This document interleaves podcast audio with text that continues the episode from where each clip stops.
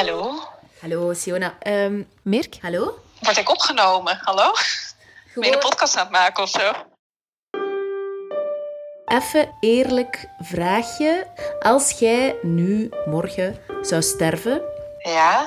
Wat valt er dan van u te erven? Uh, echt van waarde bedoelt je? Ja. Even nadenken, wat heb ik? Iedereen en alles dat sterft, laat iets achter. Een erfenis. Als je denkt aan het woord erfenis, dan heeft dat toch voornamelijk betrekking op geld en huizen en nou ja, spullen die worden nagelaten.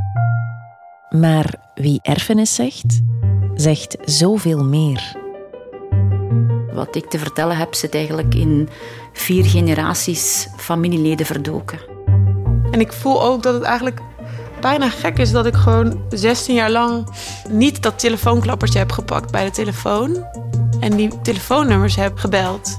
In dat opzicht is dat ook uh, een erfenis daar dat ik afstand van wil doen. En dat je, denk ik, veel harder terugvindt in mijn keuzes dan dat ik misschien zelf zou willen toelaten. In geen enkel moment heb ik gedacht dat ik ging duiken in iets dat eigenlijk veel dieper zat dan mezelf. Het woord erfenis opent een tunnel door tijd en ruimte. Van het huis waarin ik woon tot de manier waarop de politiek gestructureerd is of de woorden die we uitspreken. Alles komt ook weer ergens vandaan en is een erfenis. Ik denk dat veel erfenissen onzichtbaar aan het werk zijn. En weet je, als je er geen last van hebt, dan ga je daar vaak niet naar op zoek. Maar wij onderschatten dat. Dat er krachten aan het werk zijn die ook zo'n invloed op ons hebben.